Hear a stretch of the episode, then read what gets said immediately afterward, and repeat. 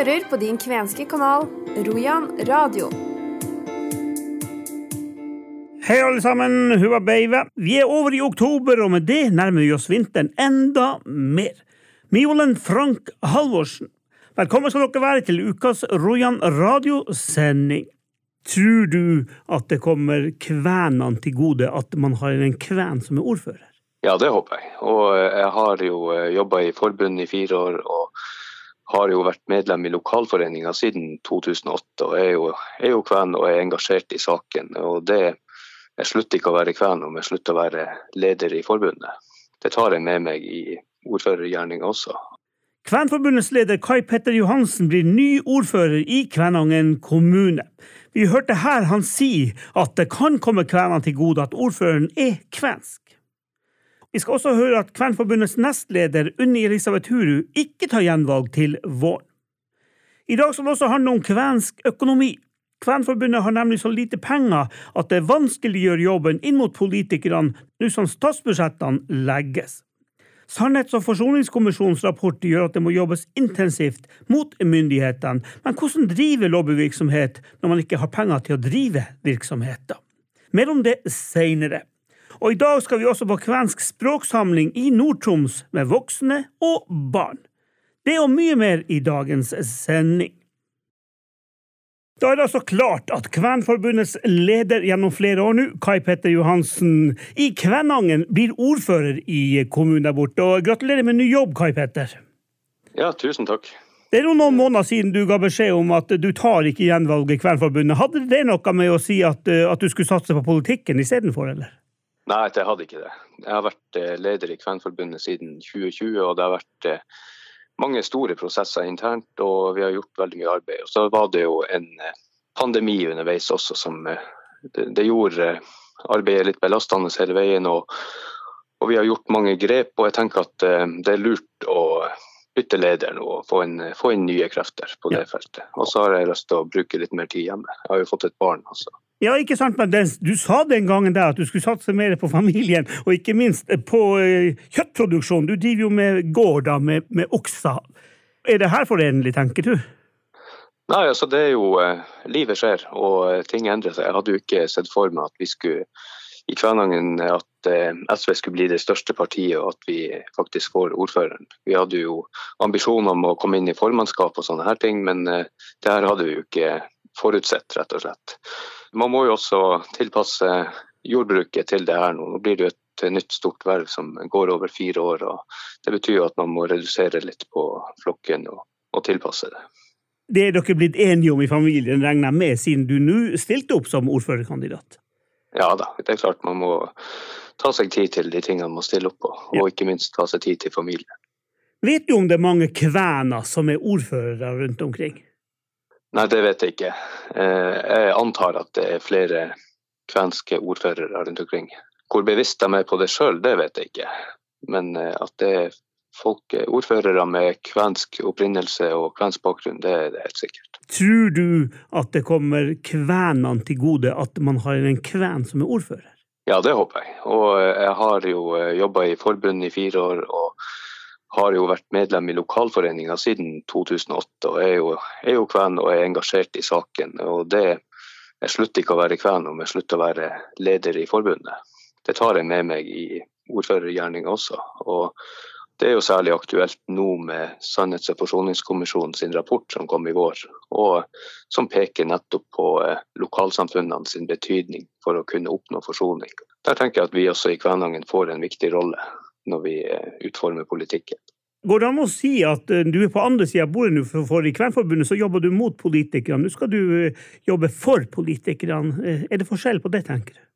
Nei, egentlig ikke. Altså, vi har ikke jobba imot politikere. sånn på den måten. Vi har jo prøvd å få politikerne med på disse tingene. Og, og, nå blir det jo kanskje lettere å få politikerne i Kvænangen med. Selv om eh, Kvænangen er litt unik med at eh, det over tid har vært en tverrpolitisk enighet om at man skal løfte både kvensk og samisk likt. Og det med likebehandling og anerkjennelse av at det er en del av vår identitet i Kvænangen, har jo ligget veldig bredt i det politiske landskapet.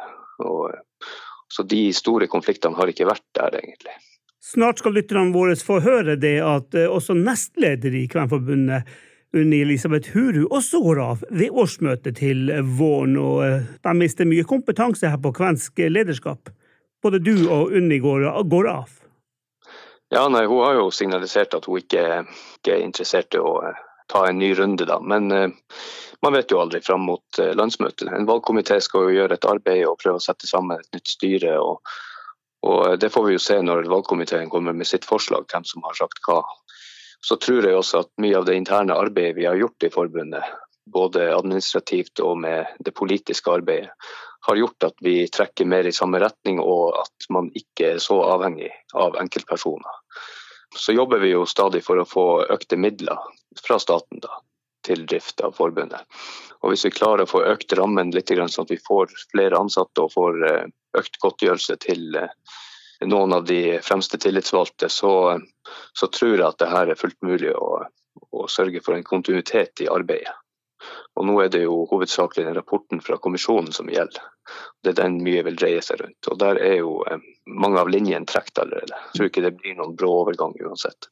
Det er seks måneder igjen til du skal gå av eh, som eh, leder i Kvenforbundet. Kan du jobbe med det samtidig som du er ordfører, eller må Unni Elisabeth Huru ta hovedansvaret fremover nå? Akkurat nå er jeg i pappaperm, og det, også, det krasjer jo også litt med ordførervervet. Så jeg må jo sjekke hvordan jeg skal gjøre det, så ikke jeg får eh, godtgjørelse som, eh, fra staten for å ha pappaperm samtidig som jeg får ordførerlønn. Det går ikke an. Nei, det, har vært, det, har vært, mye sånne saker i det siste, for å si det sånn. ja, det har vært litt for mange sånne saker. Jeg har ikke lyst til å havne i den knipa. Eh, men i forbindelse med det så har vi jo fordelt oppgavene mellom oss, da, mellom meg og Unni og, og, og styret da, i forbundet i den perioden. Og jeg tenker at det er fullt mulig å videreføre det også over nyåret. Som en plan A, i hvert fall og at man eh, fordeler godtgjørelsen etter dem som gjør arbeidet. At man slipper å ta et eh, ekstraordinært landsmøte for å skifte leder og sånn, det, det, virker litt unødvendig, sånn mm. som situasjonen er nå. Ok, Karl Petter, det er snart eh, regjeringsskifte eller styreskifte borte i, i Kvænangen kommune. Da sier vi bare tvi-tvi, lykke til med jobben, så uh, blir det å ringe deg neste gang, sannsynligvis for å høre hva gjør Kvænangen kommune for Kvænangen. Ja, det er godt å høre at du følger opp. Jeg gleder meg veldig til det. Takk. Det sa altså Kai Petter Johansen, som går av som forbundsleder til våren. Før det så skal han inn i ny jobb som ordfører i Kvænangen kommune. Nå er det også klart at nestleder Unni Elisabeth Hude går av i Kvenforbundet på årsmøtet til våren. Det her sa hun til meg på mitt direkte spørsmål. Har du tenkt å svare ja hvis du får forespørsel om å bli ny leder? Nei, jeg kommer nok ikke til å gjøre det. Ikke uansett? Nei, min tid i Kvenforbundet jeg har hatt det veldig bra og gjort så godt jeg kan i det. Og i april så begynner jeg å jobbe med andre saker. Huru bedyrer at det ikke er noe dramatikk i avgjørelsen om at både hun og leder Kai Petter Johansen går av samtidig. Til Rojan Radio sier hun at det er helt tilfeldig. Hun presiserer at det er mange gode folk i organisasjonen som vil sikre kontinuiteten. Hun forteller videre at hun må vurdere den aktuelle situasjonen når man kommer til vårens årsmøte, men at hun vil bidra som ressursperson overfor det nye styret på den måten hun kan når det trengs og lar seg gjøre. Dermed er det altså klart at NKF må ha både ny styreleder og ny nestleder til våren. Nå over til at Kvenforbundet har så dårlig økonomi at de har vanskeligheter for å jobbe med påvirkning når partiene på Stortinget jobber med sine fremtidsbudsjetter. Huru og NKF har mange drømmer etter at Sannhets- og forsoningskommisjonen la frem sin rapport, men mens eksempelvis Sametinget har både menneskelige og økonomiske ressurser å ta av, har NKF lite av disse tingene. Det her sier nestleder Unni Elisabeth Huru om den vanskelige situasjonen. Nå har jo da regjeringa forma sitt forslag klart, det ligger jo snart til trykk. Så det vi eventuelt kan gjøre, det er jo å skape et press inn mot samarbeidspartneren SV, eventuelt inn mot opposisjonen. Så det, er, det, jobber vi med. Så videre da, så må vi jo se fram mot neste statsbudsjett i det større. Vi har eh, også slik at vi jobber eh, si, opp mot politiske partier hele tida, for dette vil jo bli en lang og større prosess på sikt. da. Men det er jo da arbeidet rundt kommisjonsrapporten på alle nivå som eh, vi jobber med. Og da er det ikke bare overordna, da blir det jo inn imot Kulturrådet. Da blir det inn i de lokale mm, forholdene som er der folk bor. Det er jo på flere nivåer eh, vi jobber. Man må jo gjøre et arbeid i forkant av bl.a. statsbudsjettet. Dere er litt sånn skeptiske fordi at dere har lite penger i Kvenforbundet til å drive press og ikke minst lobbyvirksomhet foran neste statsbudsjett. Hvordan takler dere det? Vi er en, en, organisasjon for våre medlemmer, og det er jo det som først og fremst vi har måttet legge til side. Vi har ikke krefter til å ta imot det store tilskuddet. Det syns vi er veldig synd. Vi har involvert organisasjonen i dette arbeidet, så på den måten så har vi klart å fange opp de frivillige. Men vi er altfor få. Vi har én fulltidsansatt på heltid, og så har vi en eh, pott som går til en ansatt i Kvenungdommen. Det er på en måte økonomien vi baserer oss på. Vi har et driftstilskudd, men vi har veldig lite, lite midler til å kunne for det første møtes som organisasjon, vi over hele landet, og til å møte ut. Og vi rekker jo ikke over, vet du. Det er etterarbeidet som er nå etter kommisjonsrapporten. Vi blir invitert hit og dit, men vi rekker ikke over det. Og så er det veldig mange arenaer som ikke vi engang blir invitert til. Så dette her er ikke bra. Sametinget har sannsynligvis mye mer penger å rutte med når det gjelder akkurat de her tingene enn dere. Hva du tenker om det? Altså Misunnelse kommer man jo ingen vei med. Altså, hva Sametinget rår med, og det samiske folket, det får jo være, være, en sak for seg. og Man må jo bare være glad for at det faller på minoritetene. Men det er klart at når du trekker inn Sametinget i forhold til oss, den sammenligninga man kan ta, det er jo at vi blir invitert til å stille opp side om side med representanter fra Sametinget på ulike nivåer. Og Det sier jo noe om hvilket forventningspress det er til oss uten at vi har de rammene som er rundt. En sammenligning vi kan ta, det er jo at vi har 2,2 millioner i driftstilskudd for å jobbe med 1400 mennesker over hele landet og alle de forventningene vi har inn mot myndighetene. Mens den nye kulturministeren i sommeren hadde med seg én million i lomma til en festival oppe i ja, Riddu Riddu-festivalen. Så det, det, blir på en måte kanskje et bilde på at pengene sitter ikke så veldig løst når det gjelder oss, nei. Finnes det noe hjelp for dere, tenker du, utenfor uh, de her tingene, for å rett og slett kunne komme i posisjon til å diskutere de her tingene med kontroll- og konstitusjonskomiteen, som skal uh, jobbe med denne saken etter rapportfremlegginga? Vi har jo fått veldig gode eh, signaler om at de vil lytte. Samtidig så stilles det enorme krav om hva vi skal levere. Eh, vi hadde en god prat faktisk når vi var på Arendalsuka med en av Arbeiderpartiets eh, representanter i forhold til akkurat det her hvor vi pekte på at det forventes mye av oss på frivillig basis for at de som sitter rundt bordet i kontroll- og konstitusjonskomiteen på relativt gode lønner skal kunne eh, levere fra sin side. Og det er jo et regnestykke som ikke er rettferdig. Men vi har jo ikke fått noen lovnader. Vi har jo i flere omganger henvendt oss til KDD. Eh, og det har vi gjort i flere omganger i forbindelse med kommisjonsrapporten, nettopp av den grunn du sier. Forventninga er stor eh, fra det kvenske folket, vil jeg si, og omgivelsene ellers. Så det har vi gjort. Vi har fått blankt nei. Nå har vi på en måte samtaler inn imot eh, kontroll- og konstitusjonskomiteen. Det ligger ikke noe penger på bordet så langt. Eh, vi blir invitert hit og dit, men det er liksom ikke kompensasjon i noe større grad å få. Har dere noen eh, som dere kan spille på lag med i denne saken? Folk som kan noe om det her? Det sitter jo ekstremt eh, mye ressurser rundt omkring som vi trekker på når vi jobber, enten det nå er kunnskapstilfang eller osv. Vi kan jo ikke sende folk eh, fra hvor som helst inn og representere Kvenforbundet, men vi kan jo få inn kompetanse. Og Når det gjelder samarbeid, så ønsker vi å samarbeide både med Sametinget og med skogfinnene. Vi er jo tross alt alle tre gruppen et uh, finsk-ugrisk folk. Så utgangspunktet vårt er jo for så vidt det samme. Så vi ønsker å samarbeide over flere linjer. Men vi har jo selvfølgelig et ressursbehov for å klare det også. Men det er et ønske vi har, og det kommer vi til å gjøre. Har dere henvendt dere til Sametinget i forhold til kanskje å få hjelp fra dem? For de går jo gjennom den samme prosessen, men med langt større ressurser og langt flere folk.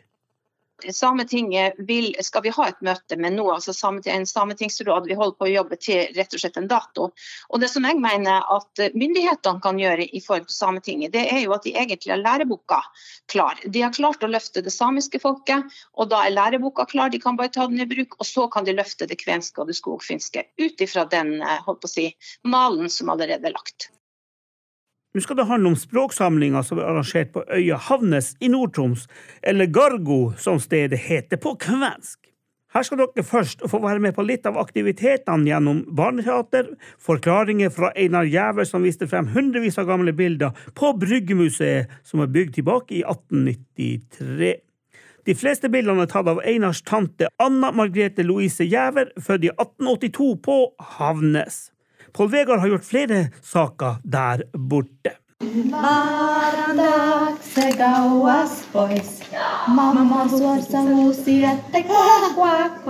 Mutta tyhä kolme suorsa tuli takaisin. Kolme pikkusuorsa lähti tieramaan. Varandaksi kauas pois. Mamma suorsa huusi, että kuak, kuak, kuak. Mutta tyhät kaksi suorsa tuli takaisin. Å, det funka! Toimii.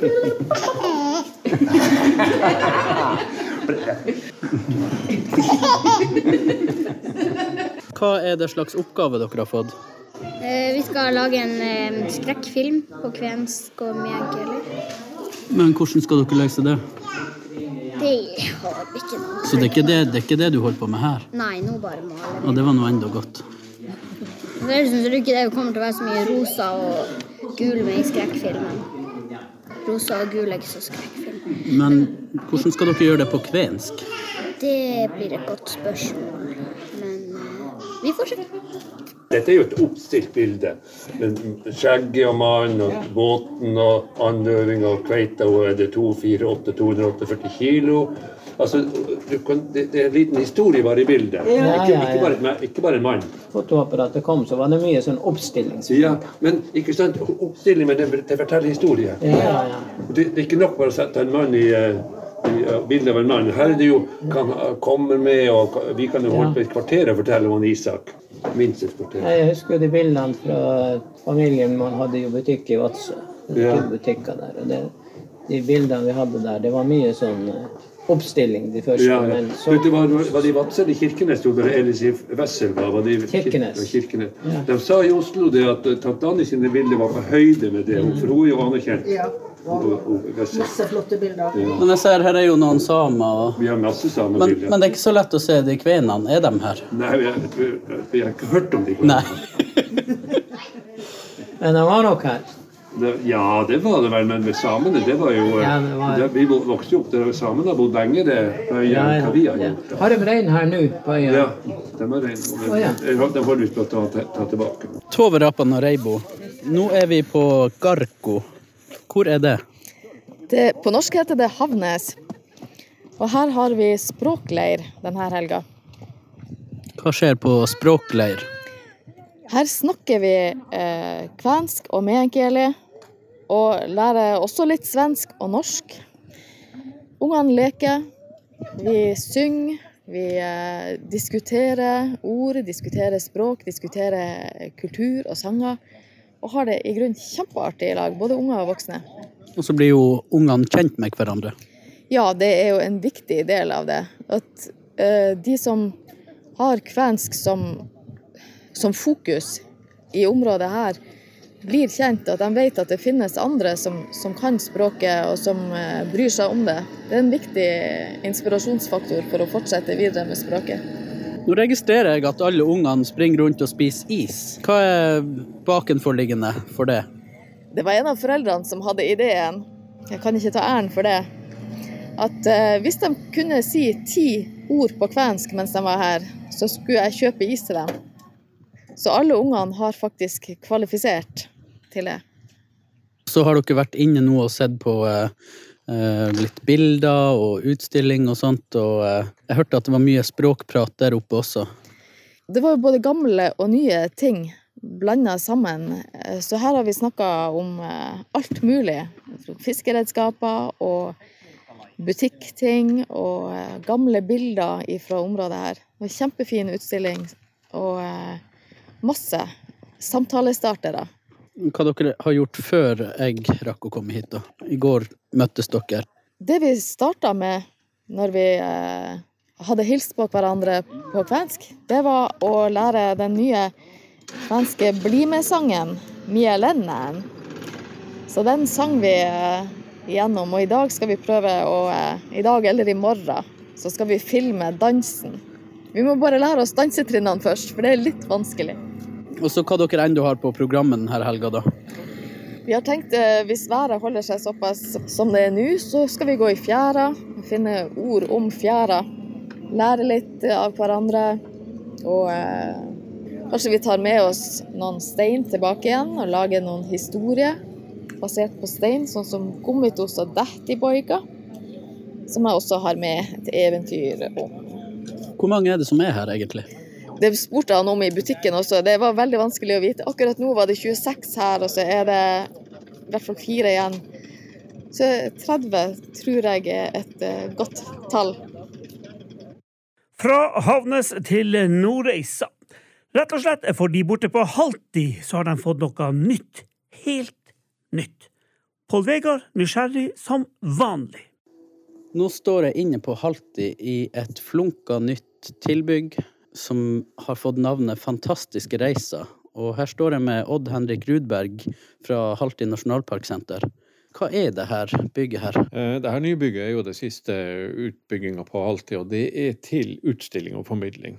Eh, Hele rommet, eller hele bygget, hele nybygget er til utstilling og formidling. Og det er på eh, knappe 200 kvadrat til formidlingsformål, da. Og da snakker vi om å bygge opp en utstilling for reiser. Vi har kalt utstillinga 'Fantastiske reiser', fordi det er et samarbeid mellom eh, Halti nasjonalparksenter og Reisa villakssenter. Og vi tar utgangspunkt i Reisa vassdraget, som er på en måte felles selvfølgelig både for villakssenteret og nasjonalparksenteret. Og Reisavassdraget er jo rikt på natur- og kulturminner, tradisjoner osv. Og, så og det har vi veldig lyst til å formidle her i nybygget. Nå er det jo ikke ferdig når vi står her nå, eh, men man ser jo eh, litt, litt av det som kommer. Kan du eh, bare kort fortelle litt om hvordan dere skal drive denne formidlinga? For å slå det fast, vi er ikke et museum, men vi har en formidlingsutstilling, informasjonsutstilling, som da skal gi publikum et innblikk i naturen og kulturen i reisa. Og da har vi jo valgt å bruke mye bilder og film og kart og grafikk som er sånn relativt stort og tydelig. Og så har vi valgt å trekke fram f.eks. stakebåten i Reisa og et gammestativ, nordsamisk gammestativ, som er oppe i Reisadalen. Og mye plakater og bilder rundt omkring. Da. Så har vi ei kjerramile også, som, som, blir fysisk, altså modell av en kjerramile. Så på den måten så ønsker vi å trekke fram eh, tydelig, visuelt og eh, konkret natur- og kulturverdier i Reisa. Så her skal altså folk kunne gå inn og uh, få formidlinger, selv om det ikke er folk på jobb? Ja, stemmer det. I prinsippet så kan du komme hit med, med din gruppe og uh, gå inn i utstillinga og bruke utstillinga og ha stor, uh, stort utbytte av det. da. Jeg vet jo også at dere har fått litt midler til å inkorporere det kvenske i utstillinga. Kan du si litt om, om, det, da? Vi er veldig glad for at vi har fått det, for det gir oss muligheten for å ta både tekst og, og tema inn i utstillinga. Så straks man kommer inn i utstillinga her hos oss, så møter man veldig fort den fleretniske kulturen i reisa. Så det med norsk, kvensk og samisk, og det formidler vi som ett. Og, og, det vil man se på stedsnavn og kart og grafikk som dukker opp, og tekster som hører til. Hvor vi forklarer norsk navn, samisk navn, kvensk navn og liksom sammenblanding av navn. og Sånn som det ofte er, da, at, at navnet har et utgangspunkt, og så blir det vridd og vrengt på, kanskje. Men vi tar utgangspunkt i, i det som er på en måte godkjent og, og uh, kjente navn. Så det har vi brukt litt tid på. Det har vi trykt opp og monterer inn i utstillinga. Og så har dere jo, når man går litt lenger inn, kommer forbi de her stedsnavnene og sånn, så kommer man til en nesten ni meter lang båt. Kan du si litt om, om, den? For den har også litt sånn kvensk historie, har jeg skjønt? Ja, det stemmer jo det. Det er jo den gamle, originale stakebåten fra Reisa som, som vi har her. Denne båten ble bygd av Johannes Kvam i 1992. Og er jo da bygd med naturlige emner til både kjøl og spant. Og, og har 12 mm tjukke bord og er en sånn lett, klassisk stakebåt. Og det er jo et fantastisk fint historisk dokument å ta inn i utstillinga. Som er da selvfølgelig mellomleddet til motorbåten som er brukt, i bruk i dag. da. Men det forteller jo litt om røtter og materialkunnskap og byggetradisjoner og, og sånt i reisa.